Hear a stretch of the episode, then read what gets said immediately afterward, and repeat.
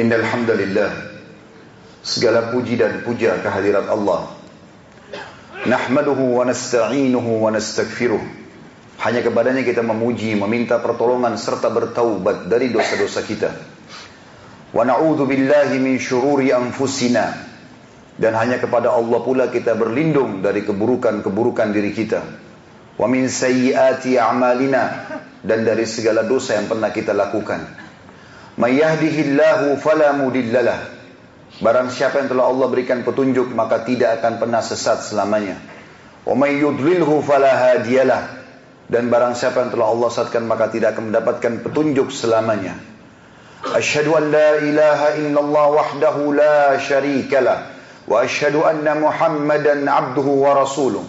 Saya bersaksi tiada Tuhan yang berhak disembah kecuali Allah dan Muhammad Muhammad benar-benar hamba juga utusannya. Qala Allah Ta'ala, Allah mengingatkan dalam kitabnya, Ya ayyuhalladzina amanu taqullaha haqqa tuqatih wa la tamutunna illa wa antum muslimun. Hai sekalian orang-orang yang beriman, bertakwalah, hanya patuh dan tunduklah kepada satu-satunya pencipta segala sesuatunya yaitu Allah yang telah menciptakan semua yang di langit, semua yang di bumi, semua yang di kedalaman lautan terjangkau atau tidak terjangkau oleh mata kita. Sebenar-benar patuh dan tunduk dan janganlah kalian meninggal dunia kecuali dalam keadaan Islam. Pesan Allah yang kedua qala Allah Ta'ala Ya ayuhan nasu taqu rabbakum alladhi khalaqakum min nafsin wahidah wa khalaqa minha zawjaha batha minhuma rijalan katsiran wa nisaa wattaqullaha alladhi tasaaluna bihi wal arham innallaha kana 'alaikum raqiba Hai sekalian manusia, sekali lagi bertakwalah. Hanya patuh dan tunduklah kepada Allah yang telah menciptakan kalian dari jiwa yang satu yaitu Adam alaihissalam dan telah menciptakan dari jiwa yang satu istrinya Hawa alaihissalam dan telah banyak memberikan keturunan laki-laki juga perempuan dari keduanya. Sekali lagi bertakwalah kepada Allah dan jagalah hubungan silaturahim. Sesungguhnya Allah senantiasa mengawasi kalian. Di ayat yang ketiga kalau Allah Taala يا أيها الذين آمنوا اتقوا الله وقولوا قولا سديدا يصلح لكم عملكم ويغفر لكم ذنوبكم ومن يطع الله ورسوله فقد فاز فوزا عظيما Hai sekalian orang yang beriman Sekali lagi bertakwalah Hanya patuh dan tunduklah kepada Allah Dan ucapkan kalimat yang benar Niscaya dia akan memperbaiki amal-amal perbuatan kalian Mengampuni dosa-dosa kalian Barang siapa yang mentaati Allah dan Rasulnya maka dia telah mendapatkan kemenangan yang besar. Amma ba'd, fa inna asdaqal hadithi kitabullah. Kita tahu sebaik-baik rujukan umat Islam dalam segala lini kehidupan mereka, terutama ibadah adalah kitabullah, Al-Quran. Wa khair hadyu, hadyu Muhammadin sallallahu alaihi wa sahbihi wa sallam. Dan sebaik-baik petunjuk setelah Al-Quran adalah petunjuk baginda Nabi besar Muhammad sallallahu alaihi wa sahbihi wa sallam yang dikenal dengan As-Sunnah. Wa syarul umuri dan seburuk-buruk perbuatan terutama dalam ibadah yang tidak punya rujukan dari wahyu Al-Quran dan Sunnah. Fa inna kulla muhdatsin bid'ah. Semua ibadah yang tidak punya rujukan dari wahyu Al-Quran dan Sunnah dikenal dengan perbuatan baru agama. Wa nabidatin dhalalah dan perbuatan baru itu akan membawa pelakunya pada kesesatan. Inna dalam finnar dan kesesatan akan membawa pelakunya ke dalam api neraka. Saudaraku seiman, berulang kali di setiap kesempatan khutbah Jumat, saya membacakan pembukaan ini dikenal dengan khutbah hajah. Nabi kita Muhammad sallallahu alaihi wasallam tidak pernah melewatkan momen-momen penting kecuali mengingatkan tentang tiga ayat tadi.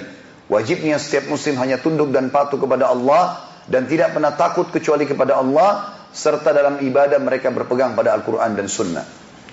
Kesempatan ini insya Allah kita akan bahas judul Hiduplah Mulia dengan Islam. Banyak di tengah masyarakat kita saudaraku seiman.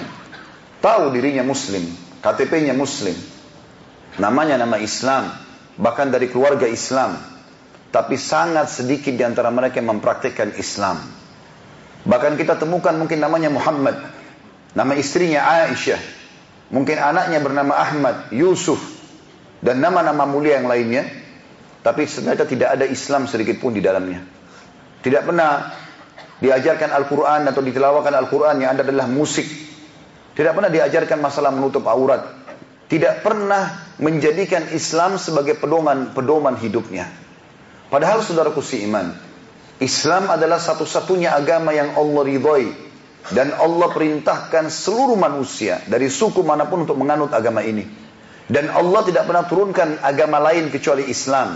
Semua nabi-nabi beragama Islam. Tidak ada agama yang bernama Yahudi dan Nasrani. Mereka adalah buatan manusia. Agama yang dianut oleh para nabi-nabi adalah Islam. Itulah aplikasi atau penjelasan dari firman Allah Subhanahu wa taala yang sudah masyhur. Ya Allah sebutkan di dalam surah Al-Imran surah nomor 3 ayat 19. A'udzu billahi minasyaitonir rajim. Inna ad-dina 'indallahi al-Islam. Wa ma ikhtalafa alladhina utul kitaba illa min ba'di ma ja'ahumul ilmu baghyan bainahum. Wa man yakfur bi ayatillahi fa innallaha sari'ul hisab. Sesungguhnya di sisi Allah agama itu hanya Islam. Kata ulama tafsir dari Nabi Adam alaihissalam sampai Nabi Muhammad alaihissalam semuanya muslim. Dan tidak berselisih para ahli kitab, orang yang menisbatkan diri pada agama Yahudi dan Nasrani. Kecuali setelah datang kepada mereka penjelasan yang nyata. Mereka tahu tentang Islam itu cuma satu.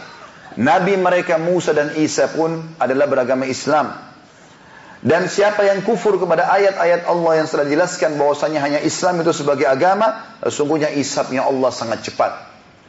Siapa pun yang beriman kepada Nabi Musa alaihissalam di zaman Nabi Musa alaihissalam, beriman kepada Musa alaihissalam, lalu beriman kepada Allah dan beriman kepada semua yang dibawa Nabi Musa alaihissalam termasuk informasi tentang nabi-nabi sebelum Musa alaihissalam dan setelah Musa alaihissalam dikatakan muslim. Sampai datang Rasul setelah beliau yang membawa syariat baru karena agama satu Islam, induk judulnya. Tetapi syariat atau hukum yang diterapkan ini yang sering diganti oleh Allah subhanahu wa ta'ala. Atau diganti sesuai dengan keadaan manusia pada saat itu. Pada saat datang Injil dan Isa alaihissalam seorang Rasul, maka semua pada saat itu Bani Israel punya kewajiban melengkapkan iman mereka dengan risalah Isa alaihissalam dan mengakui Injil sebagai kitab. Yang beriman dikatakan muslim. Yang menolak risalah Nabi Isa dan Injil pada zaman itu dikatakan kafir. Makanya sekarang orang-orang Nasrani kalau kita tanya, menurut kalian orang Yahudi muslim atau bukan? Atau e, beriman atau kafir? Maka mereka akan mengatakan kafir. Kenapa kalian mengatakan orang Nasra, orang Yahudi kafir, hai Nasrani? Bukankah mereka beriman pada Nabi Musa dan mereka juga beriman pada kitab Taurat? Maka jawaban mereka sederhana. Kalau mereka yang faham agamanya, jawabannya akan sama dengan jawaban kita. Karena mereka masih menolak Nabi yang datang atau Rasul setelah Isa, setelah Musa alaihissalam. Begitu juga kita. Kenapa predikat Muslim hanya ada pada umat Muhammad sallallahu alaihi wasallam? Karena Islam itu secara definisi adalah istislamun nafsu lillahi rabbil alamin. Penyerahan diri kepada Allah secara totalitas. Andai saja ada seseorang di antara kita kaum muslimin, dia tidak mengakui kenabian Nabi Musa atau Nabi Isa alaihi wassalam, dia mengatakan Isa bukan Nabi atau Musa bukan Nabi kafir. Karena rukun iman kita adalah iman salah satunya kepada kitab-kitab dan rasul-rasul. Dan kita punya predikat muslim karena kita mengimani semua rasul-rasul itu. Berarti kita beriman kepada Allah subhanahu wa ta'ala. Dan ayat Al-Quran membicarakan masalah itu. A'udhu billahi minasyaitan rajim. La nufarriku baina ahadim min rusuli. Tugas kita tidak akan membeda-bedakan di antara rasul-rasul tersebut. Dan baginda Nabi SAW bersabda dalam sebuah hadis Bukhari. Perumpamaan aku dengan nabi-nabi sebelumku itu seperti orang-orang mengelilingi bangunan yang sangat indah. Mewah sekali istana itu. Semuanya lengkap kecuali satu batu bata saja. Lalu orang-orang yang mengelilingi mengatakan, andai saja batu bata itu di saat diletakkan, maka akulah batu bata yang satu itu. Semuanya nabi-nabi punya agama yang satu, Islam. Juga disebutkan di dalam surah Al-Imran, surah nomor 3, tepatnya ayat 85, Billahi minasyaitonir rajim wa man yabtaghi ghairal islami dinan falan yuqbala min wa huwa fil akhirati minal khasirin. Siapa yang coba-coba pilih selain Islam sebagai agamanya, maka tidak akan diterima darinya dan di akhirat dia termasuk orang-orang yang rugi. Demikian pula teman-teman sekalian Allah Subhanahu wa taala memerintahkan kita agar masuk ke dalam Islam ini secara keseluruhan. Tidak boleh kita menerima hukum yang kita sukai lalu kita tolak sebagian yang kita tidak sukai. Tidak boleh kita hanya memilih ya, yang wajib saja kemudian sunnah kita tinggalkan. Harus secara kafah, keseluruhan. Allah menjelaskan di dalam Al-Quran surah Al-Baqarah, surah nomor 2 ayat 208, A'udhu billahi minasyaitan rajim, Ya ayyuhalladzina amanu dkhulu fis silmi kafah, wa la tattabi'u khutuwati syaitan, innahu lakum aduwwum mubin. Hai orang-orang beriman, Masuklah kalian ke dalam Islam secara keseluruhan dan jangan pernah kalian mengikuti langkah-langkah syaitan. Kata ulama tafsir, memilah-milah mana hukum yang kalian suka dan kalian tidak suka. Terima yang suka dan tinggalkan yang tidak suka. Innahu kan innahu lakum adu mubin karena dia adalah musuh nyata bagi kalian. Dan salah satu penyebab ahli kitab difonis kafir oleh Allah Subhanahu wa taala karena Allah jelaskan, "Afatu'minuna bi ba'dil kitab wa takfuruna bi ba'd?" Apakah kalian mengimani sebagian isi Alkitab, lalu kemudian kalian kufur dengan sebagian yang lainnya? Kalau ada orang yang Allah karuniakan lahir dalam keadaan Islam, Alhamdulillah. Ini sebuah nikmat yang luar biasa. Karena satu kunci keselamatan sudah ada pada dia. Begitu juga kalau ada orang lahir dalam keadaan kufur, keluarga kekafiran, lalu kemudian dapat hidayah dan dia masuk Islam, juga sebuah nikmat yang besar. Itu berarti Allah inginkan kebaikan bagi dia. Karena Allah mengatakan dalam surah Al-An'am, surah nomor 6, ayatnya 125. A'udzu billahi minasyaitonir rajim. Wa may yuridillahu an yahdiyahu yashrah sadrahu lil Islam. Al-ayat. Siapa yang Allah ingin kebaikan baginya, pasti Allah akan lapangkan dadanya menganut Islam itu.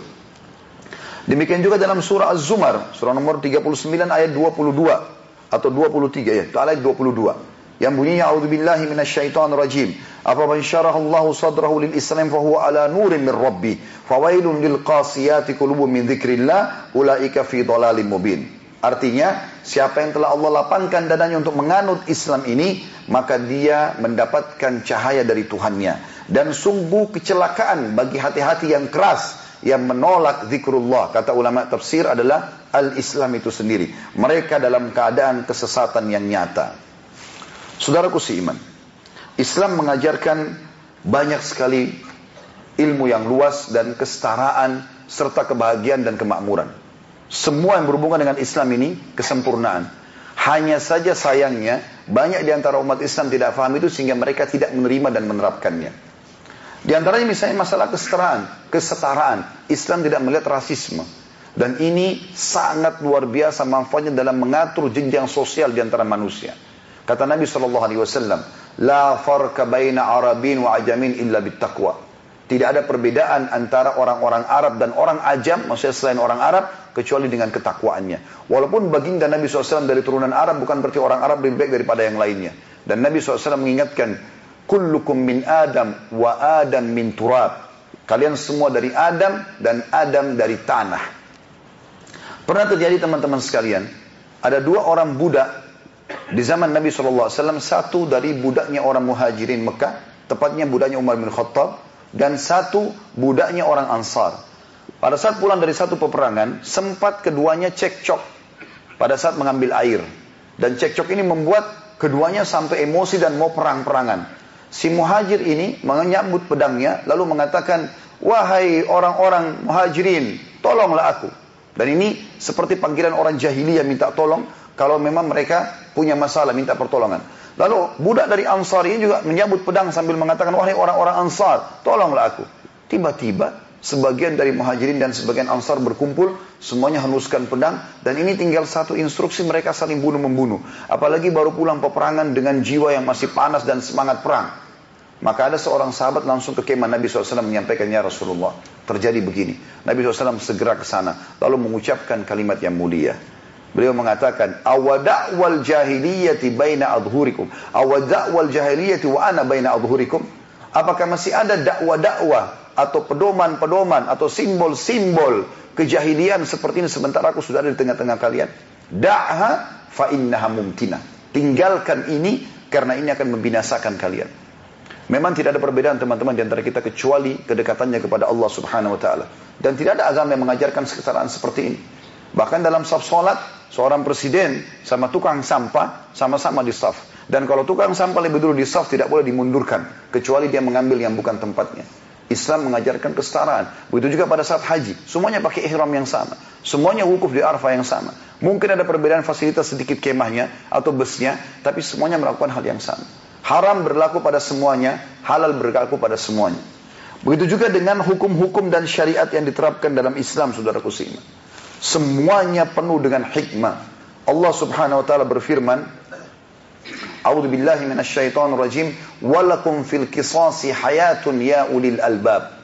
Di dalam kisas itu Misal pencuri dipotong tangannya, orang yang berzina dicambuk, atau kalau sudah menikah dirajam, orang yang membunuh dipenggal lehernya, ada kemakmuran hidup bagi kalian hai orang-orang yang berakal. Pertanyaan kecil teman-teman sekalian. Apakah memang kalau pencuri dipotong tangannya bisa datang kemakmuran? Atau orang dipenggal lehernya karena membunuh juga datangkan kemakmuran? Atau orang berzina dihukum, dicambuk atau diranja juga datang kemakmuran? Jawabannya seorang muslim dengan penuh keyakinan, iya. Karena Allah tidak akan mungkin salah. Allah lebih tahu sebagai pencipta apa yang harus kita terapkan dalam kehidupan kita. Orang yang mengatakan potong tangan pencuri itu keras, maka orang yang belum pernah mengalami pencurian. Andai saja dia pulang ke rumah dia temukan ada pencuri yang datang dan dia temui, saya yakin kalau dia pegang pisau bukan tangan pencuri itu dipotong, tapi dia akan membunuhnya. Kalau dia pulang ke rumah dia temukan keluarganya sudah diperkosa atau dibunuh atau hartanya diambil, mungkin dia bukan hanya sekedar memotong tangannya tapi dia akan membunuhnya. Kalau dia tahu orang itu dari suku tertentu atau keluarga tertentu maka dia akan ke sana. Kemudian dia akan berantem atau berkelahi antara keluarga dengan keluarga atau mungkin dia bisa membunuh selain orang yang telah membuat kerusakan tadi, adiknya, istrinya atau anaknya. Kalau orang mengikuti keinginan manusia. Tapi Islam datang mengatakan tangkap si pelaku, berikan pada pemerintah, iklankan. Seperti di Saudi kasusnya. Kalau ada seorang pencuri, dia mencuri misalnya di satu toko emas atau di sebuah rumah, kemudian ketangkap dan ternyata tegak padanya argumentasi. Artinya betul orang ini telah mencuri. Bukan karena tertekan secara kejiwaan, bukan orang gila, nggak ada udur-udur syari'inya. Maka diiklankan malam Jumat. Fulan bin Fulan dari negara ini telah mencuri. Ini loh kronologisnya. Dia kena ayat Allah. Pencuri laki-laki dan perempuan potong tangannya sebagai bentuk kehinaan dari Allah. Besok hari Jumat kisos di Masjid Nabawi. Saya pernah kebetulan menghadiri sendiri pada saat itu. Salah satunya itu masih mahasiswa. Kisos penggal kepala malah. Kena membunuh. Tapi saya gambarkan dulu masalah potong tangan. Nanti kalau di Madinah ada perpustakaan Raja Abdul Aziz, Maktabah Malik Abdul Aziz, di belakangnya ada sebuah lapangan, di situ sering diadakan kisah oleh pemerintah Saudi. Nanti di situ ada tiga mobil, ada mobil penjara yang membawa si pelaku kriminal ini, ada mobil ambulan dengan tim medisnya, karena kalau sudah dipotong tangannya maka dia akan diurus oleh dokter, tidak dibiarkan mati di situ. Kemudian ada mobil pengantinan yang lapor, ke, lapor kepada raja kalau sudah terjadi kisos. Lalu kemudian disampaikanlah orang ada polisi buat pagar betis, di belakangnya kita semua datang menonton. Lalu dilihatlah. Dan memang sunnahnya melihat kejadian tersebut. Allah SWT menyuruh sebagian kita hadir dan menyaksikan masalah itu. Kemudian disampaikan ke sana lalu dipotong tangannya. Dan tangannya itu dibiarkan di situ. Sampai beberapa waktu. Kira-kira teman-teman sekalian. Kalau ada yang hadir situ niat mau mencuri. Dan dia tahu tangannya akan dipotong. Apakah dia akan melanjutkan pencuriannya? Saya sangat yakin. Satu orang dipotong tangannya. Sepuluh ribu orang berhenti mencuri. Makanya di Saudi teman-teman kalau yang pernah haji atau umrah, kalau anda mungkin tidak pernah keliling Saudi, saya ceritakan di Saudi hampir seluruh wilayahnya itu mobil-mobil mewah dipanggil, dipanggil di pinggir jalan. Jarang orang punya garasi mobil. Tidak ada yang berani sentuh mobil mereka. Kita bahkan subhanallah di lampu merah ada yang mematakan spion orang. Mengambil punya orang. Bahkan sangat terancam pencurian yang luar biasa. Coba seandainya diiklankan para koruptor dan para pencuri-pencuri ini diiklankan akan dipotong tangannya dan diperlihatkan, ditontonkan, maka pasti semuanya akan berhenti mencuri. Begitu juga dengan orang membunuh. Mungkin orang bilang, oh kalau kisah penggal kepala ini, maka sangat kejam. Saya waktu menyusun tesis S2 saya, salah satu yang saya sebutkan tentang hikmah hukum syariat Islam. Dan bagaimana subhanallah, para pakar-pakar kriminal dunia di Eropa, itu datang ke negara-negara Islam untuk mempelajari. Kenapa Islam menghukum orang yang membunuh atau melakukan kriminal besar dengan kisos, penggal kepala? Kenapa negara-negara lain pakai tembak, pakai sniper? Mana yang lebih baik? Ditembak kah? Diracun kah? Dilistrik kah? Atau dipenggal? Kesimpulan terakhir teman-teman, mereka mengakui ternyata eksekusi yang paling tepat untuk para kriminal. Selain tidak menyiksa dia, juga menyelesaikan kematian kena targetnya adalah dihukum mati, adalah penggal. Itu semuanya mengalahkan. Kalau sniper bisa saya pelurutnya meleset dan dia tidak mati. Makanya butuh beberapa orang sniper. Kalau orang di listrik mungkin dia mati tapi luka, rusak badannya segala macam. Minum racun juga begitu. Mungkin butuh waktu untuk dia kesakitan dan seterusnya. Tapi kalau kisas ditutup dengan kain, dipenggal, selesai. Maka mereka sendiri mengakui bahwasanya kebenaran itu. Dan orang yang mengatakan penggal kepala ini keras, orang yang belum pernah mengalami. Naudzubillah, kita pulang ke rumah temukan istri diperkosa, naudzubillah, atau ada pencuri datang dan membunuh anak-anak kita. Apa yang akan terjadi? Kita kalau punya pisau teman-teman, punya pedang, bukan bukan cuma dia. Kalau kita datang ke rumahnya, ke keluarganya atau ke sukunya, kita tidak temukan dia, kita akan membabi buta, membunuh siapa saja yang ada di situ. Maka terjadilah ribut antara dua suku, dua negara, dua keluarga, gara-gara masalah-masalah seperti ini. Islam datang mengatakan iklankan. Besok kayak di Saudi kisos, saya pernah hadiri kepala tadi saya bilang, diiklankan sama malam Jumat si fulan bin fulan dari negara ini. Jenis kelaminnya laki-laki misalnya dia telah membunuh. Ini loh ceritanya, besok kena kisos. Sama tadi ada tiga mobil, kemudian mobil penjara yang membawa dia, mobil rumah sakit yang akan membawa nanti jenazahnya kalau selesai kisos, dan juga ada mobil pengadilan yang akan melapor pada raja. Cuma bedanya ada sedikit beda mekanismenya. Kalau kisos kepala, dia akan ditutup dengan kain hitam dan tangannya diikat di belakang dengan kakinya dia sambil duduk dan nanti eksekusi akan dilakukan oleh algojonya. Algojo ini subhanallah oleh pemerintah Saudi dibuat turun temurun. Ya. Jadi satu keluarga itu tugasnya cuma eksekusi itu tidak dipindahin ke orang lain karena ini butuh kebesaran jiwa. Jadi ayah ngajarin anaknya cuma itu saja. Sekeluarga itu kerjanya itu saja, kisos mereka. Yang potong tangan sendiri sekeluarga, yang potong kepala ini sendiri, yang pegang kunci Ka'bah sendiri, yang pegang kunci rumah Nabi SAW sendiri, tidak diganti-ganti. Mereka itu yang lakukan. Maka yang terjadi dia akan ambil tiga langkah dari orang yang mau dieksekusi kepalanya ini. Tiga langkah. Di sebelah kanannya Al-Gojo ini, ada keluarganya si mayit. Keluarga yang dibunuh. Di sana, maksimal tiga orang. Maka mereka menyaksikan. Al-Gojo ini jalan langkah pertama, dia balik ke sana. Kalau di antara kerabat ini diam atau mereka semuanya diam, maka dia melangkah langkah kedua. Dia balik lagi ke sana. Kalau mereka diam, dia melangkah langkah ketiga. Lalu dia balik lagi ke sana. Terakhir pedangnya diangkat. Dia lihat dulu ke sana. Kalau mereka diam, dikisah orang ini. Tetapi teman-teman sekalian, Islam bukan datang main hilangin nyawanya orang. Kenapa ada keluarganya mayit di situ? Ternyata kalau ada di antara tiga orang yang hadir satu saja angkat tangan, berikan isyarat saya memaafkan. Walaupun yang dua tidak setuju, nggak jadi kisos. Karena tujuan utama adalah, nih ya, yang bunuh keluargamu ini orangnya. Sekarang kami akan penggal di depan mata kalian, keputusan tangan kalian. Nggak ada hubungannya sama istrinya nih. Nggak ada hubungannya sama anaknya. Nggak ada hubungannya sama keluarganya. Ini yang salah. Setelah ini nggak ada dendam-dendaman keluarga. Ini salah, belum tentu anaknya salah. Ada orang subhanallah ayah penjahat, tapi ayah, anaknya hafal Quran. Ada terjadi begitu. Tidak dosa sama anaknya. Tapi keputusan tangan kalian. Kalian maafkan, kami maafkan. Kalau tidak ya tidak. Kalau mereka sudah maafkan tidak bisa tarik lagi. Gak bisa bilang udah eksekusi aja, nggak bisa. Tapi tugasnya orang yang selamat ini itu untuk membayar denda kepada orang atau keluarga tadi atau namanya dia. Jadi memang dalam kehidupan, dalam masalah ini teman-teman ada kehidupan. Kalau setiap orang yang tugasnya selalu mau membunuh saja buat kerusakan, dihukum begitu seperti ini, satu dipenggal, yang lainnya berhenti semua. Banyak orang Islam tidak faham. Bahkan pada saat kita menjelaskan masalah ini, dan sengaja saya angkat di mimbar ini untuk didengarkan oleh kaum muslimin. Bahwasanya, oh ini garis keras, oh ini Islam begini dan begitu. Karena belum faham, bahkan yang bicara kaum muslimin. Kenapa membenci agamanya sendiri? Apakah kita mau berani menghapus hukum Allah dari 1400 tahun yang lalu diturunkan? Kalau kita belum faham, belajar saudaraku. Bukan malah kita menjadi penghalang.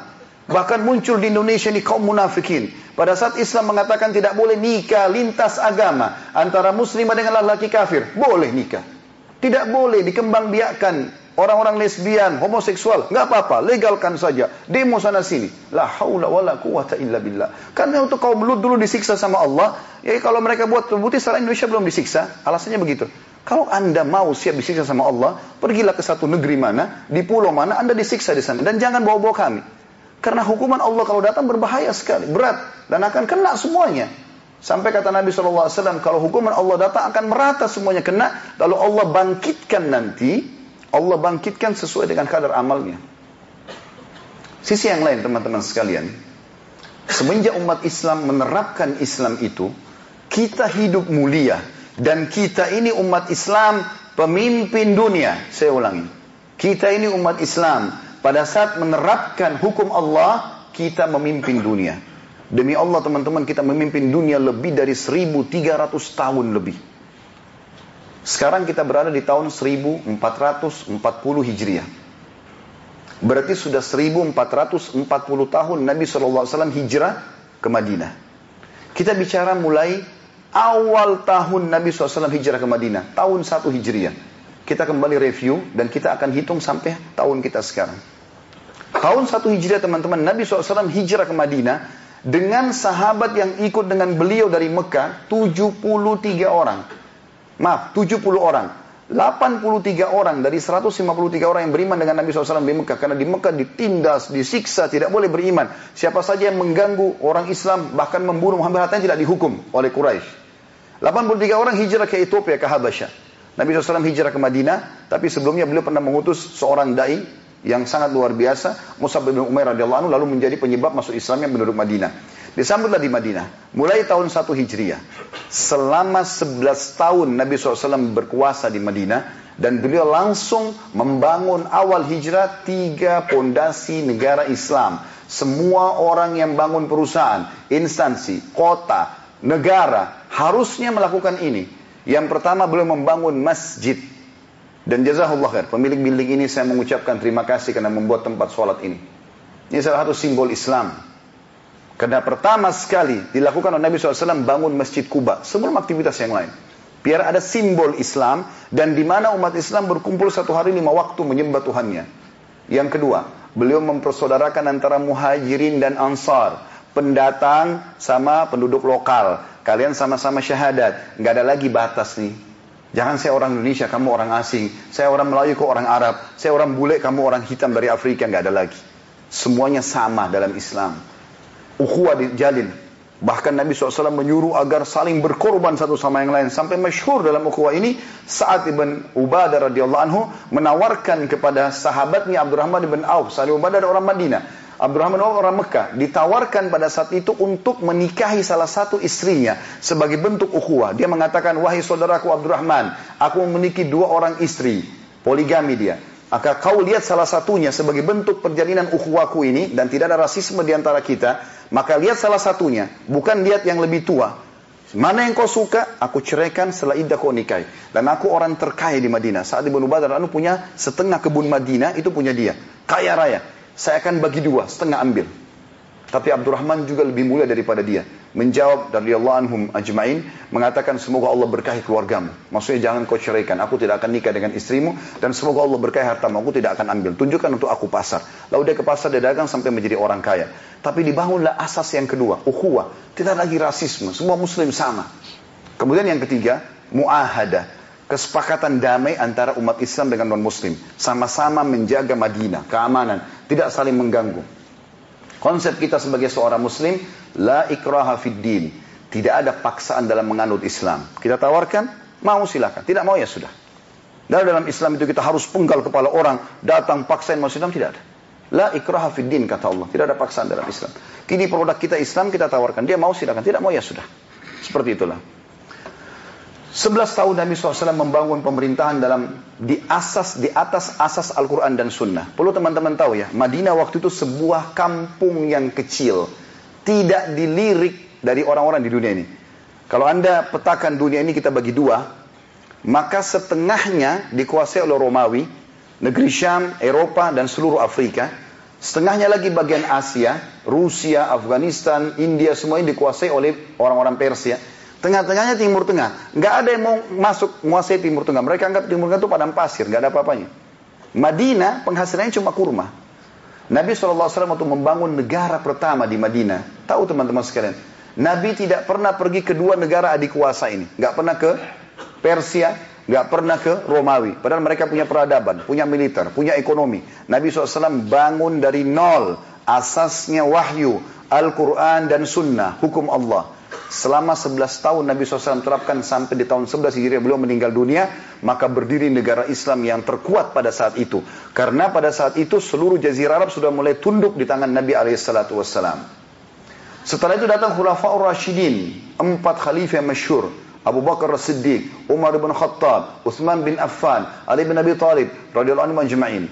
Masanya Abu Bakar berkuasa dari 11 sampai tahun 13 Hijriah. Beliau menyelesaikan seluruh fitnah internal. Karena setelah Nabi SAW meninggal, terjadilah orang-orang yang mengaku Nabi palsu seperti munculnya Musailam al-Kadzab, Al-Aswad al-Unsi, mengaku Nabi palsu karena mereka lihat Nabi SAW punya kekuatan karena mengaku dia di Nabi, maka mereka juga mau memalsukan diri mereka atau mengaku sebagai Nabi. Abu Bakar selesaikan fitnah itu, termasuk juga orang yang menolak membayar zakat. Selesailah fitnah internal. Siapa pun yang memiliki kedudukan dan pemerintah atau memegang pemerintahan bagi seorang muslim, kalau ada fitnah internal, lihat kasusnya Abu Bakar. Selesai, clear. Yang kedua, masuk Khulafaur Rasyidin yang kedua Umar bin Khattab, berkuasa 10 tahun. Tahun 13 Hijriah sampai tahun 23 Hijriah. Di sini masa keemasan Islam. Setengah dunia tunduk di tangan kaum muslimin. Tahun 15 Hijriah, 2 tahun setelah Umar bin Khattab berkuasa. Anda bisa baca semua buku Islam menjelaskan masalah ini menerapkan Al-Quran dan Sunnah, tidak menggunakan peradaban, ekonomi, militer orang lain, semua dibangun langsung di asasnya. Dalam Al-Quran atau di atas Al-Quran dan Sunnah. Umar bin Khattab tahun 15 mengutus pasukan menuju menaklukkan per, eh, menaklukkan eh, pada saat itu negeri Syam, utara Jazirah Arab. Palestina, Jordania, Libanon dan Syria serta bagian Asianya Turki dipimpin oleh Khalid bin Walid dan Abu Ubaidah Abu dan Khalid bin Walid. Pergi ke sana, tahun 15. Takluklah negeri Syam. Dan Palestina, Masjid Aqsa kuncinya diserahkan kepada Umar bin Khattab. Di tahun 16 Hijriah, beliau bentuk pasukan dipimpin oleh Sa'ad bin Abi Waqqas radhiyallahu anhu dengan 30 ribu pasukan. Tadi ke negeri Syam 12 ribu. 30 ribu pasukan. Beliau iklankan, siapa muslimin yang mau berjihad, ayo silakan. Semua berkumpul 30 ribu orang. Serang Persia. Persia pada saat itu teman-teman memiliki kekuatan militer yang luar biasa. Orang-orangnya tinggi kekar, terlatih militer luar biasa. Bahkan ada di antara mereka yang bisa melempar tombak atau melempar anak panah menembus dinding-dinding bangunan karena kuatnya. Tapi didatangi oleh kaum muslimin dari Badui, tidak ngerti apa-apa, tidak tahu main pedang, tidak tahu segala macam, bergabung dalam pasukan jihad karena ingin menyebarkan agama Allah bergabung. 30 ribu mengalahkan 240 ribu pasukan Persia di peperangan yang masyhur sekali pada saat itu. Ya. Dikenal dengan perang Qadisiyah. Kemudian waktu di, waktu di negeri Syam tadi perang Yarmuk dikenal. Takluklah Persia. Bayangkan teman-teman Persia waktu itu seluruh Rusia, seluruh Afghanistan, dan seluruh juga Iran dan Irak. Itu semua Persia. Takluk di tangan muslimin pada saat itu. Dan diganti hukum mereka dengan hukum Islam. Di tahun 20 Hijriah, Umar bin Khattab mengutus lagi Amr bin As anhu menembus Mesir, wilayah Afrika. Sekarang utara Jazirah sudah ditaklukkan, kemudian timur sudah ditaklukkan, sekarang tinggal barat. Maka pergilah Amr bin As hanya dengan 8.000 orang tembus Mesir, takluk. Begitu Mesir tunduk atau takluk, seluruh Afrika Utara, Mesir, Tunis, Jazair, Maroko takluk semua. Afrika semua terbuka Islam pada saat itu. Tahun 20 Hijriah. Hanya masa kejayaan Umar bin Khattab sampai di situ, 23 tahun dari masa hijrah Nabi, setengah dunia di bawah kekuasaan muslimin. Waktu itu teman-teman belum ada ilmu akuntansi. Belum ada laptop, belum ada internet, belum ada semuanya. Apa yang sahabat lakukan dalam menghitung dan menata pemerintahan, ekonomi, Qala Allah dan qala Rasul. Banyak kita menganggap Al-Quran dan Sunnah tidak menjelaskan masalah ekonomi, tidak menjelaskan masalah politik, tidak menjelaskan masalah sosial. Ini kedangkalan pemahaman dan kebodohan. Allah yang menciptakan kita sudah menurunkan semua. Dan fakta lapangan, sejarah tidak akan pernah dusta, memang kita menguasai dunia pada saat itu. Umar bin Khattab meninggal tahun 23, muncul khalifah yang ketiga Utsman bin Affan. Lalu berkuasa dari tahun 23 sampai 37 Hijriah. Perhatikan dari tahun 1 sampai nanti kita rentet tahun kita sekarang. Tahun 37 ini semua Uthman bin Affan memakmurkan kaum muslimin. Menjaga wilayah-wilayah umat Islam yang sudah begitu luas. Lalu disebarluaskanlah para sahabat, para ulama untuk mengajarkan Islam ke seluruh wilayah. Lahirlah akhirnya di wilayah-wilayah Persia seperti keenam ulama hadis. Walaupun nanti lahir setelah zamannya Uthman bin Affan di zaman tabi'in.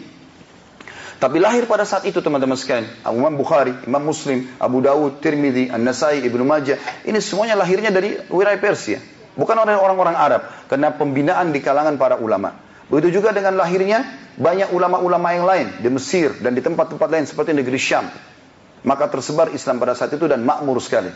Setelah meninggal, karena makin luas wilayah kaum muslimin, terjadi fitnah internal lagi, maka Ali bin Abi Thalib memimpin dari tahun 37 sampai 40 Hijriah, 3 tahun menyelesaikan fitnah internal lagi.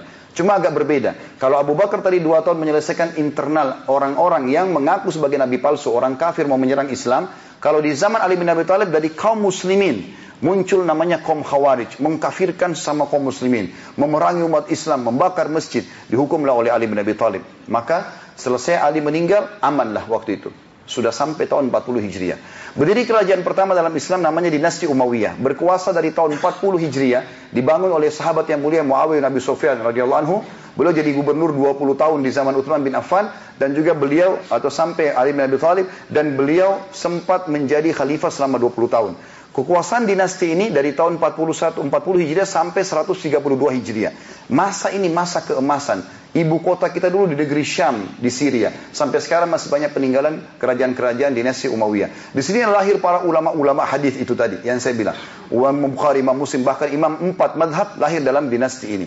Ya, lahirnya lahirnya Ibu Abu Hanifah yang meninggal tahun 150 Hijriah, pada saat tahun lahirnya Imam Syafi'i, kemudian eh, adanya Imam Malik yang meninggal tahun 179 Hijriah, ada Imam Syafi'i lahir tahun 150, ada Imam Ahmad 240 sekian, maka lahirlah empat imam madhab yang kita sekarang pegangi madhabnya di masa kejayaan ini. Dan pada saat itu teman-teman tidak ada satupun kerajaan-kerajaan dunia berani mengganggu kaum muslimin. Karena kekuatan luar biasa. Setelah runtuh tahun 132 Hijriah, tentu kalau saya rentet sejarahnya ini akan sangat panjang. Ini khutbah Jumat saya harus ringkaskan. Maka teman-teman berdiri setelahnya dinasti Abbasiyah dari tahun 132 Hijriah sampai 656 Hijriah. Kita bayangkan di sini sudah ratusan tahun sampai tahun 656 Hijriah dan tidak runtuh kerajaan ini kecuali di masa datangnya kerajaan Mongolia atau suku Tatar yang menaklukkan Islam di eh, Irak pada saat itu. Dan di sini juga lahir banyak sekali ulama-ulama dunia dari kalangan muslimin. Kemudian setelah itu teman-teman runtuh kerajaan Islam, berdiri dinasti yang terakhir dikenal dengan dinasti Utsmaniyah di Turki. Yang kita kenal dengan kerajaan Ottoman, Ottoman ya. Ini berdiri dari tahun 670 Hijriah sampai kurang lebih 93 tahun yang lalu saja. Jadi berubah dari khilafah Islamiyah, kerajaan Islam melakukan Islam itu Turki, menjadi republika meninggalkan hukum Islam tahun 1924 Masehi. Kita sekarang di tahun 2019, kurang lebih 94 tahun yang lalu. Teman-teman tahu nggak, 94 tahun inilah kita jauh dari agama kita, jauh dari syariat Islam, sehingga kita tidak memimpin dunia. Waktu zaman Utsmaniyah teman-teman sekalian, kalau kapal-kapal perangnya Muslim Utsmaniyah lewat, maka tidak ada satupun di Eropa gereja berani membujikan loncengnya karena takut mengganggu umat Islam. Banyak muncul khalifah-khalifah yang masyhur. Di antaranya adalah sabda Nabi SAW. Kalian akan menembus Konstantinopel, Konstantinia. Ya, benteng yang ada di wilayah Eropanya Turki. Hanya takluk. Kata Nabi SAW ini waktu Nabi masih hidup Nabi SAW sampaikan nanti kalian umat Islam akan menembus Konstantinia itu. Ingat sebaik-baik pemimpin-pemimpin yang ada pada saat itu. Dia terbaik dari umatku dan sebaik-baik pasukan yang ada pasukan pada saat itu. Itu di tangan Muhammad bin Murad Al-Fatih rahimahullah.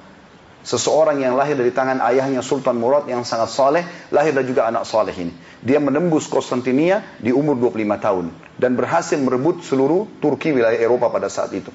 Dan dia menerapkan kemakmuran yang luar biasa. Datang cucunya yang kesekian Sulaiman Al-Kanuni. Masyhur sekali. Sampai kekuatan militer umat Islam tidak pernah dikalahkan dalam peperangan. Dan cukup banyak peperangan melawan Eropa. Yang hanya dengan beberapa hitungan menit kalah semua pasukan-pasukan koalisi Eropa pada saat itu. Kekuatan militer, ekonomi luar biasa. Pada zaman itu teman-teman ratu-ratu dunia. Seperti Ratu Austria dan yang lainnya. Itu memakai cadar. Karena mencontohi ratu-ratu muslim yang ada di khilafah Uthmaniyah pada saat itu. Dan mereka menganggap ratu tidak boleh dilihat mukanya oleh orang sembarangan sembarangan. Padahal mereka non muslim. Mereka menjadikan simbol Islam sebagai pegangan mereka. Bahkan kalau ada anak muda di Eropa pada saat itu. Kalau bisa bahasa Arab, lamarannya langsung diterima. Walaupun Nasrani melamar Nasrani. Karena dianggap bahasa Arab sebuah peradaban yang sangat maju pada saat itu. Saudaraku iman. Mana kita dari sejarah umat Islam ini? Mana kita dari sejarah-sejarah gemilang yang luar biasa ini? Ini baru sekedar poin-poin besarnya. Kalau saya rentet ini, setiap khalifah apa yang dia lakukan, maka kita akan terengah-engah melihat luar biasa. Para ilmuwan teman-teman di zaman kejayaan Islam di Spanyol, tahu nggak yang memunculkan ilmu matematika pertama yang dikenal sampai sekarang adalah seseorang yang bernama Abdul Jabbar. Maka dikenal dengan ilmu Al-Jabar. Itu Abdul Jabbar Muslim dari Spanyol. Yang menemukan pertama pesawat akhirnya jadi jadi pesawat seperti sekarang itu juga seorang Muslim yang menemukan aliran listrik seorang muslim. Semuanya ini muslim-muslim dari Spanyol yang akhirnya dikembangkan oleh para ilmuwan di Eropa setelah terjadi penjajahan besar umat Islam, barulah mereka mengubah menghapus dari sejarah tokoh-tokoh Islam ini dan mengatakan seakan-akan mereka lah yang telah mengembangkan semua itu. Teman-teman sekalian, baca kisah Al-Jaziri. Ketik di Google sebentar pulang dari Jumat ini kisah seorang ilmuwan muslim Al-Jaziri. Apa yang dia lakukan dari Spanyol? Kisah uh, Tadi yang saya sebutkan nama-namanya Al-Jabbar. Ada lagi nama seseorang, subhanallah saya tidak terlintas sekarang. Seseorang yang menemukan penerbangan pertama umat Islam. Sejarahnya semuanya ada dari Spanyol. Jadi ilmu pengetahuan pun sekarang yang berkembang dari umat Islam bibitnya. Baru kemudian dikembangkan oleh orang non-muslim. Sayangnya kita malah berkelibat dengan orang-orang non-muslim.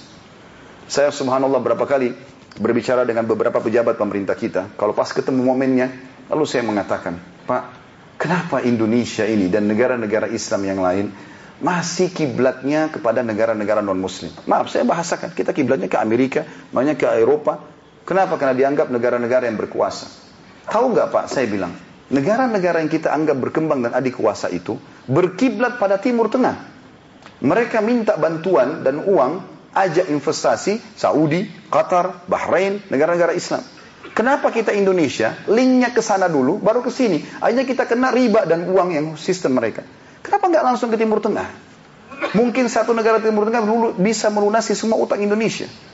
Kenapa kita hilang kejayaan kita kembali kepada Islam? Larinya kepada orang non-muslim. Saya tutup teman-teman sekalian dengan kisah-kisah nyata tentang banyaknya orang masuk Islam dan ini menandakan kebenaran agama dan subhanallah tidak ada yang masuk Islam ini kecuali orang-orang yang pintar. Dan orang yang keluar dari Islam ke agama yang lain itu hanya orang bodoh saja. Sekali nganut Islam tidak akan meninggalkan Islam kecuali orang bodoh. Banyak sekali kisah. Di antaranya teman-teman sekalian, seorang insinyur dari Jerman, arsitek yang masyhur sekali. Orang ini terkenal dengan gambarnya dan dia suka mempertemukan antara literatur klasik menurut dia dengan literatur modern. Lalu digambarlah sama dia supaya bisa membuat sebuah bangunan yang unik berbeda dari yang lain dan selalu laku. Satu waktu teman-teman sekalian, dia rupanya salah satu literatur klasiknya adalah Al-Quran. Buku-buku samawi menurut dia. Termasuk Taurat, Injil, tapi Al-Quran salah satunya. Dia selalu jadikan Al-Quran sebagai alat untuk dibuka. Mana nih? Bangunan-bangunan apa? Kan ada Allah ceritakan tentang Fir'aun dengan piramidanya, peninggalannya. Kemudian ada kaum Hud, kaum Saleh, banyak nama-nama yang sebelumnya. Kemudian masih ada sampai sekarang. Seperti kisah kerajaan Namrud ya, dan zaman Nabi Ibrahim AS juga masih ada sampai sekarang. Kaum Samud ya di Madain Soleh di Saudi sekarang masih ada peninggalan bangunan mereka. Sekarang dia ingin tahu kira-kira Al-Quran menggambarkan nggak tentang bangunan masa depan modern. Dengan hikmah Allah Allah berikan dia petunjuk orang ini. Dia buka, dia baca tentang surga. Surga adalah bangunan masa depan. Salah satu kalimat surga yang mengkritik dia dan akhirnya ini penyebab dia masuk Islam. Dia mengatakan atau dia baca setiap ada Al-Quran menyebutkan jannat selalu disebutkan tajri min tahtiha anhar mengalir di bawahnya sungai. Apa nih rahasianya? Istana di surga, bangunan masa depan yang menjadi target semua umat Islam, kenapa di bawahnya ngalir sungai? Apa maksudnya ini? Dari sisi arsitekturnya ini apa? Penasaran dia. Apa yang dilakukan teman-teman? Dia punya tanah kosong, dibangun sama dia bangunan. Dia ingin mengaplikasikan sesuai yang dia faham tentang ayat ini. Dia bukan muslim, katolik. Nanti masuk Islam gara-gara ini. Kemudian dia bangun bangunan, dia lakukan bangunan yang dia bangun sangat mewah, kemudian yang satu yang dia ubah. Lantainya diganti jadi kaca sama dia. Dan di bawah kaca itu ada saluran air. Selesai dia buat bangunan ini, dia pergi ke Eropa seperti biasa dia menawarkan produknya ya kepada perusahaan-perusahaan sampai dua minggu. Biasanya kalau dia pulang dia istirahat juga dua minggu karena capek dan penatnya, begadang terus. Kadang-kadang gambar harus diedit dan segala macam. Subhanallah diceritakan tentang masuk Islam bagaimana dia tiba di bandara Jerman, dia tidak langsung pulang ke rumah istrinya, tapi dia mampir ke rumah baru yang dia baru bangun kemarin, tidak sempat dia tinggali. Dia nyalain semua channel eh, panel listriknya, begitu nyala semua termasuk ada panel listrik yang menjalankan air di bawah lantai tersebut. Dia bilang, saya duduk, begitu saya duduk, tiba-tiba seluruh penat saya dua minggu ini hilang. Belum pernah saya rasakan sebelumnya. Biasanya butuh dua minggu istirahat untuk menghilangkan penat itu. Tapi ini saya penasaran. Saya lihat wallpaper saya sama dengan rumah saya. Bagus mewah, lampu sama, ini sama, sofa sama, semua sama. Apa ini masalahnya? Dimatikanlah satu-satu panel listrik tersebut. Dia penasaran ingin tahu dari mana sumbernya. Terakhir teman-teman dengan hikmah Allah, yang belum dia matikan adalah panel listriknya air. Semua mati lampu dia duduk. Begitu dia duduk, dia dengar gemericik air ini, ketenangan jiwanya dia rasakan sendiri. Maka dia sendiri ambil inisiatif mengatakan, oh ini rupanya rahasianya. Ternyata gemericik air menghilangkan rasa capek. Makanya umat Islam disuruh capek-capek beribadah di dunia. Dibalas surga salah satu cirinya adalah gemericik air yang mereka dengarkan. Dia cari satu komunitas Islam, masuk Islam gara-gara itu. Kisah yang lain. Seorang anak muda di Amerika, di bulan Ramadan kayak kita sekarang. Mohon maaf saya ambil sedikit waktu. Pada saat itu teman-teman dia lagi ingin menyaksikan sholat terawih di Mekah. Seperti kita sekarang bisa nonton sholat terawih di Mekah ya. Kalau punya para bola tentunya biasa. Maka dia duduk. Dia nunggu eh, apa namanya waktu sholat terawih. Dan lagi pas azan Isya waktu itu di Mekah. Dia nunggu. Rupanya tetangganya sebelah orang Nasrani. Teman dia di kuliah. Masih kuliah orang ini.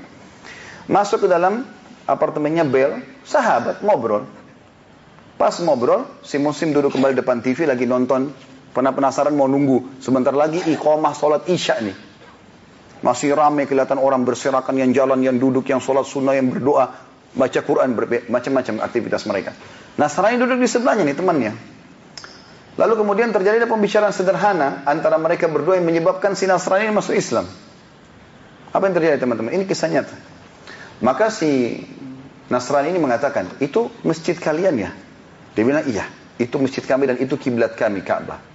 Lalu si Muslim bilang, menurut kamu yang kau lihat itu, dia tidak niat mau mengislamkan orang ini, tapi dia cuma bicara biasa. Dia mengatakan, menurut kau, manusia sebanyak itu berapa jumlahnya? Dia bilang, ya mungkin ribuan orang. Kata si Muslim, tidak. Itu jutaan orang. Masjid itu bisa menampung sampai 3 juta orang. Besar sekali. Nasrani diam. Kata si Muslim, menurut kau kira-kira untuk mengatur manusia sebanyak itu butuh berapa lama waktu? Kata si Nasrani, berbulan-bulan. Untuk ngatur manusia sebanyak itu butuh berbulan-bulan. Kata si Muslim apa? Saya jamin kau kurang dari satu menit ini semua bisa rapi. Hah, gimana bisa? Tunggu sebentar. Kebetulan mau tunggu iqamah salat isya. Mungkin kita umat Islam karena tiap hari mengalami itu kita anggap biasa. Tapi bagi orang non muslim ini besar sekali efeknya. Maka yang terjadi teman-teman sekalian, iqamah lah. Datang Syekh Abdurrahman Sudais, hafidahullah, Imam Masjid Haram. Waktu itu mengatakan, istau, luruskan saf kalian. Tiba-tiba semuanya rapi. Hitungan kurang dari satu menit, yang duduk berdiri, yang jalan masuk ke saf, yang lagi ini semua berdiri, sama. Kemudian satu instruksi, Allahu Akbar. Semuanya Allahu Akbar. Kita umat Islam tahunya kejar keutamaan sholat berjamaah. Ya kan gitu. Si lihat, satu instruksi. Baca ayat semuanya tenang ikutin. Karena kita tahu kalau kita berhenti ya batal sholatnya kan gitu. Lalu satu instruksi lagi, Allahu Akbar, ruku, satu. Jutaan orang semua ikut. Sami Allahu liman hamidah, semuanya ikut. Sampai selesai salam. Ini subhanallah, Islam ini teman-teman, kegiatan agama ini sendiri sudah menjadi dakwah bagi orang-orang tanpa kita sadar. Setelah selesai sholat semua, Muslim diam, asyik menikmati itu. Si Nasrani juga lagi berjalan dengan pikirannya sendiri. Selesai salam, bubarlah orang-orang. Lalu kata Muslim, oh maaf, saya lupa. Ini bulan puasa, kami enggak, kami lagi puasa. Kau mau minum apa? Saya hidangkan. Nasrani diam. Kata si Muslim, kamu minum apa? Dia balik ke Muslim ini, dia sudah tidak jawab lagi masalah minuman. Dia mengatakan, ajak saya masuk ke agamamu. Kata si Muslim, kenapa kau mau masuk Islam? Dia bilang, tidak mungkin ini buatan manusia. Satu instruksi, jutaan orang semuanya ikut. Nggak mungkin. Syahadat gara-gara itu. Kisah yang lain. Seorang dokter spesialis kulit, masyhur sekali dari Thailand. Dan ini kalau tidak salah pernah diangkat kisahnya dan yang kenal baik beliau Dr. Zakir Naik. Hafizahullah. Saya kebetulan kenal beliau secara pribadi. Dan ada penyampaian ceramahnya pernah disampaikan. Yang jelas pada saat dia menyampaikan tentang kisah ini, saya nukilkan kan dia sampai dalam bahasa Inggris. Ada satu seorang profesor spesialis penyakit kulit. Itu setiap tahun di Muantai, dia setiap tahun dapat penghargaan karena setiap tahun pasti memberikan penemuan baru. Gitu. Satu waktu dia adakan penelitian dan pertemuan semua dokter spesialis kulit. Satu auditorium ini semuanya orang-orang pintar dunia datang. Kemudian ada dua orang dokter muslim juga ikut di situ. Kalau tidak salah dari Mesir pada saat itu. Kemudian naiklah si profesor ini di auditorium karena dia dituakan, profesor spesialis penyakit kulit. Dia mengatakan saya baru menemukan penelitian terakhir dengan teknologi tercanggih. Kalau rasa sakit yang manusia rasakan itu hanya disebabkan adanya urat-urat saraf yang peka yang melengket di bagian dalam kulit manusia. Karena kan dia spesialis kulit. Jadi kalau urat-urat saraf yang di bawah kulit itu kena luka bakar atau dilumpuhkan dengan obat bius, maka tidak akan terasa sakit lagi. Datangkan satu orang contoh, kena luka bakar, tangannya rupanya sampai kulitnya semua tidak ada. Diambil pisau, bedah, diiris, orang itu nggak kesakitan. Orang semua satu dulu bersorak-sorak. Ini penemuan yang luar biasa. Si muslim, dokter muslim angkat tangan. Maaf profesor. Kalau itu anda anggap penemuan anda yang terbaru, maka saya ingin menemukan penemuan Anda ini dengan Al-Quran. Perlu Anda tahu, Al-Quran sudah menjawab dan memberikan penelitian ini 1400 tahun yang lalu. Orang semua jadi heran, mana ini? Profesor di atas auditoriumnya teman-teman, di atas podiumnya mengatakan tunjukkan kepada saya. Dan perlu anda tahu, dia syahadat di atas podiumnya. Apa yang terjadi? Dia bilang tunjukkan kepada saya. Diambillah surah An-Nisa ayat 59. Teman-teman sebentar kalau bubar bisa lihat surah An-Nisa surah 4 ayat 59 tentang neraka. Potongan ayat Allah mengatakan a'udzubillahi minasyaitonirrajim kullama nadidat juluduhum baddalnahum juludan ghaira liyadzuqul azab. Setiap kali kulit mereka ahli neraka sudah terbakar, kami ganti dengan kulit yang baru agar mereka merasakan rasa sakit yang baru. Apa maknanya ayat ini? Rasa sakit cuma di sini, di kulit. Profesor itu baca dalam bahasa Inggris, dia tetesin air mata. Sampai dia mengatakan di atas podiumnya, pandu saya ke agamamu. Dipandu syahadat di atas podium di depan para ilmuwan. Dan ada ribuan kisah seperti ini teman-teman sekalian. Kita cuma ambil beberapa sampel saja bagaimana orang-orang masuk Islam ini karena kebenaran Islam. Dan sayang kita umat Islam tidak menyadari masalah itu. Bahkan kita jauh dari agama kita. Oleh karena itu mulialah dengan muslim, dengan Islam. Pelajari agama ini. Kita terbuka peluang untuk belajar. Di waktu Ramadan begini Anda tidak ada makan siang. Baca sejarah Islam itu. Kayak saya coba sudah, sudah coba menggali ya. Kalau teman-teman mau ikuti ceramah kami di YouTube ada ceramah tentang serial Sirah Nabi lengkap dari sebelum Nabi SAW lahir keadaan Jazirah Arab, Jazirah Arab sampai beliau SAW meninggal. Saya juga sudah bahas kurang lebih 40 lebih serial sahabat. Abu Bakar, Umar, Uthman, Ali, Tablik Akbar setiap selasa kedua. Selasa kedua insya Allah nanti di blog M ini kita akan lanjutkan ke 45 atau 46 serial sahabat Abu Dujana. Lalu anu bagaimana para salafus soleh kita ini membangun peradaban dunia Padahal mereka tadinya orang Badui yang tidak punya apa-apa teman-teman sekalian. Maka Islam datang dengan kebenaran. Dan saya tutup dengan sabda Nabi SAW. Tidak akan terjadi kiamat. Sampai Islam ini akan masuk kepada seluruh rumah-rumah di muka bumi ini. Baik dengan kemuliaan ataupun dengan kehinaan. Dan itu di zaman Nabi Isa AS pada saat turun dan membunuh Dajjal serta menerapkan dengan Imam Mahdi keadilan itu. Dan ini juga ada kisah sendiri berhubungan dengan masalah itu. Tapi memang Islam ini teman-teman agama kita. Kita mulia dengan itu kalau kita menggunakannya dan kita akan terhina kalau kita meninggalkannya. Dan Allah subhanahu wa ta'ala memarahi dan menghukum orang-orang yang murtad. Siapa yang murtad satu orang Allah akan ganti dengan banyak sekali manusia-manusia yang lain. Saya bacakan ayat Al-Qur'annya. Allah Subhanahu wa taala berfirman, kita tutup dengan ini.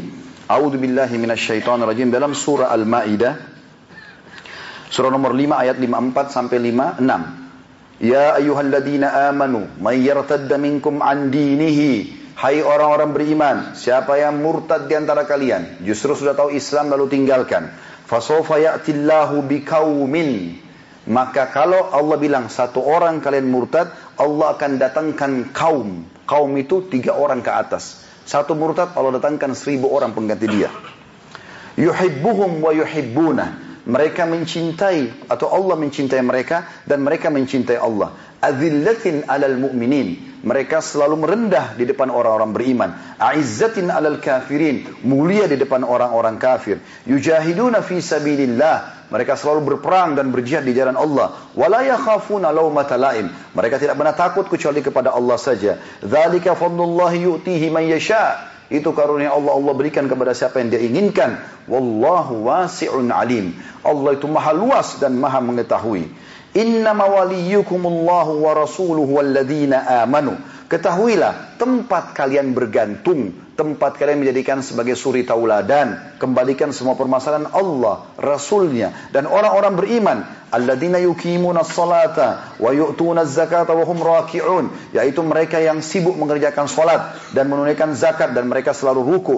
وَمَنْ يَتَوَلَّ اللَّهَ وَرَسُولَهُ وَالَّذِينَ آمَنُوا فَإِنَّ حِزْبَ اللَّهِ هُمُ الْغَالِبُونَ Siapa yang menjadikan Allah, Rasulnya, dan orang-orang beriman sebagai tempat mereka bergantung, mereka mulia dengan Islam ini, maka tentu mereka akan diberikan kemenangan. Ya ayyuhalladzina amanu Hai orang-orang beriman La tattakhidul ladzina attakhadu dinakum huzuwan wa la'iban minal ladzina utul kitaba Min qablikum wal kuffara awliya Hai orang beriman, jangan pernah kalian menjadikan sahabat-sahabat, pemimpin-pemimpin, orang-orang yang telah menjadikan agama kalian sebagai bahan olok-olokan dan permainan dari orang-orang yang telah menuntut Alkitab, Yahudi dan Nasrani sebelum kalian dan seluruh orang-orang kafir. Wattaqullaha in kuntum mu'minin. Maka bertakwalah kepada Allah atau hanya patuhlah kepada Allah kalau kalian benar-benar orang beriman.